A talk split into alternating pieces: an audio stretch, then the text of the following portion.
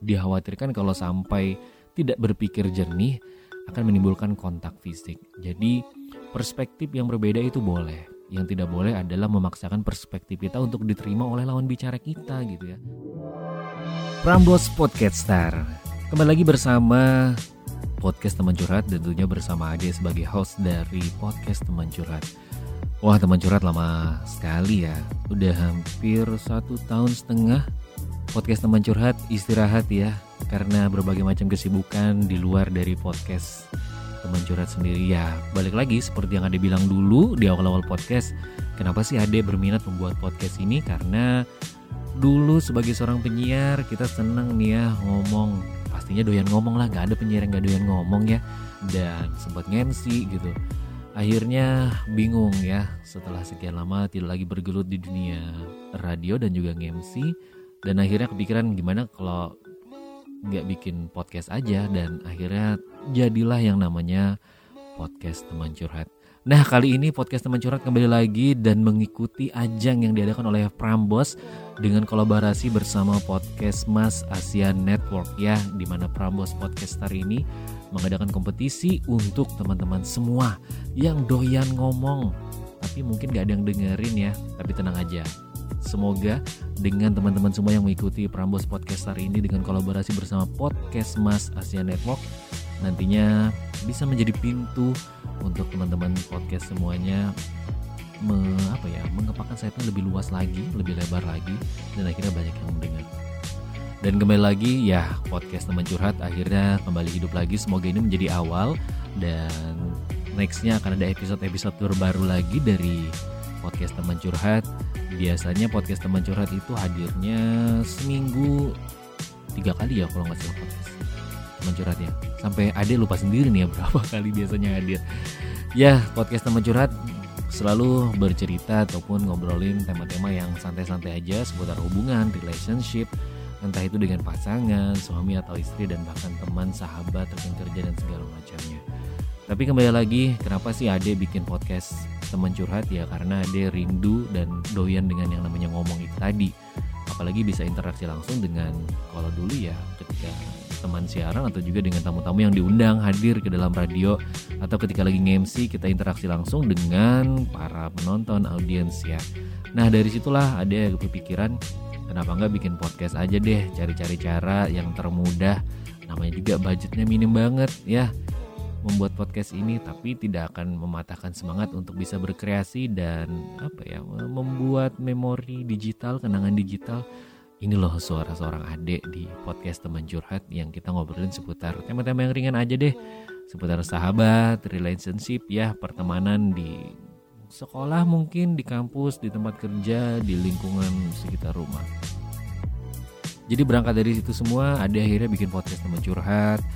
Awalnya sih bingung tema-tema akhirnya banyak masukan referensi ketemulah tema ketemu formulanya bikin sampai akhirnya di episode ke berapa belas atau 20 gitu ya. Adik berhenti maksudnya pengen santai dulu nih sampai menemukan formula baru lagi di season yang terbaru. Eh malah terlalu enjoy ya liburnya kelamaan. Akhirnya podcast teman curhatnya vakum selama satu tahun setengah kayaknya hampir mau dua tahun ya kalau nanti sampai Desember lagi. Dan ternyata banyak teman curhat di sana yang nanya nih ya kapan nih podcastnya? Ada lagi deh ya mohon maaf ya selama satu tahun setengah ini akhirnya berhenti. Tapi buat teman curhat semua di luar sana ya di masa pandemi ini kembali lagi mungkin ada yang gak akan bosan ya uh, memberikan semangat untuk teman-teman yang mungkin sekarang sedang isoman atau ada keluarganya yang isoman semoga cepat pulih kembali dan bagi rekan-rekan yang ditinggalkan oleh orang yang tercinta semoga diberi ketabahan, diberi kekuatan dan ke depannya bisa lebih menjaga prokes lagi walaupun yang namanya usia itu sudah menjadi takdir dan ketetapan Allah Subhanahu wa taala ya. Tapi kita juga perlu ikhtiar, kita ada usaha untuk bagaimana menjaga diri kita, menghindarkan diri kita dari virus-virus ataupun interaksi-interaksi yang memungkinkan virus itu akan tertarik ya dan ikut dengan kitanya. Ya udah, yang pasti tetap jaga prokesnya ya, mencuci tangan dengan sabun dan air yang mengalir. Intinya kalau bisa perlu mandi deh biar sekalian menjaga kebersihan. Jangan lupa vitamin ya. Dan jaga jarak jangan terlalu berkerumun. Intinya seperti itu ya. Buat teman curhat semua prokesnya kembali diperketat dijaga semata-mata demi kesehatan diri sendiri dan juga tentunya demi kesehatan orang di sekitar kita terutama orang yang ada di rumah. Jadi buat teman curhat semua jaga kembali prokesnya.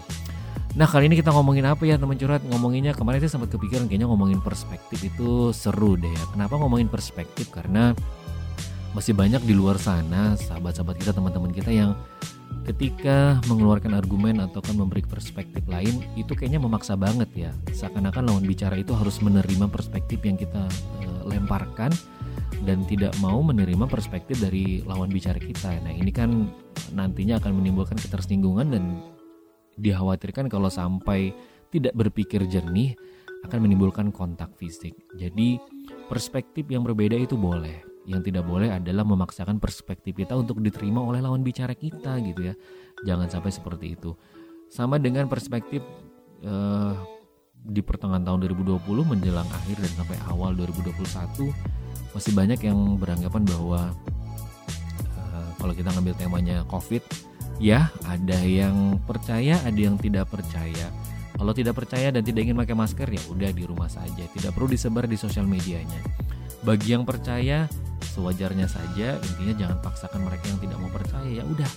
Artinya kita sudah memberikan masukan, tetap jaga prokes, gunakan masker dan segala macamnya. Toh kalaupun dia tidak mem memilih opsi untuk tidak percaya dengan Covid, ya udah nggak masalah.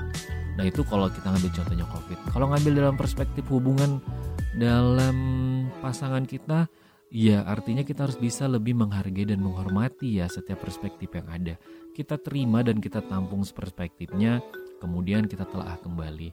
Apa sih pandangan-pandangan pasangan kita yang kayaknya kurang kena dengan kita? Kurang kenanya nih kenapa ya gitu? Ataukah kita yang terlalu memaksakan perspektif kita sampai akhirnya kita tidak bisa menerima perspektif pasangan kita? Ini yang perlu menjadi bahan renungan kita kembali ya. Karena dalam sebuah hubungan, apalagi rumah tangga, yang namanya perspektif ini pasti akan terus berbeda. Namanya juga perspektif sudut pandang dan cara pandang kita ya.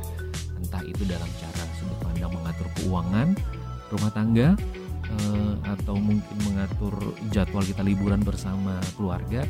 Apa pun itu yang penting intinya jangan mencoba untuk memaksakan perspektif kita kepada lawan bicara kita kita dengarkan saja, kita tampung, kita telah kembali, kita sortir nih ya, mana sih cara pandang yang kayaknya kita bisa gunakan, kita bisa modifikasi, dan kita bisa masukkan dengan cara pandang kita.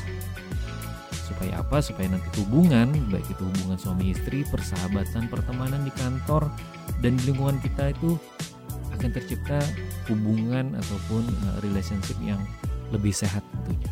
Tidak ada hubungan yang lebih superior. Artinya suami lebih superior dari istri atau kebalikannya atau teman lawan bicara dan segala macamnya. Jadi intinya hargai perspektif kita masing-masing ataupun lawan bicara kita.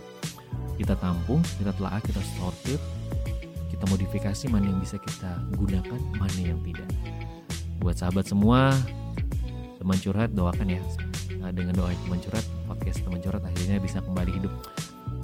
Oke deh pokoknya buat teman curhat semua tetap jaga kesehatan, jauhi narkoba, rajin menabung, jaga prokesnya.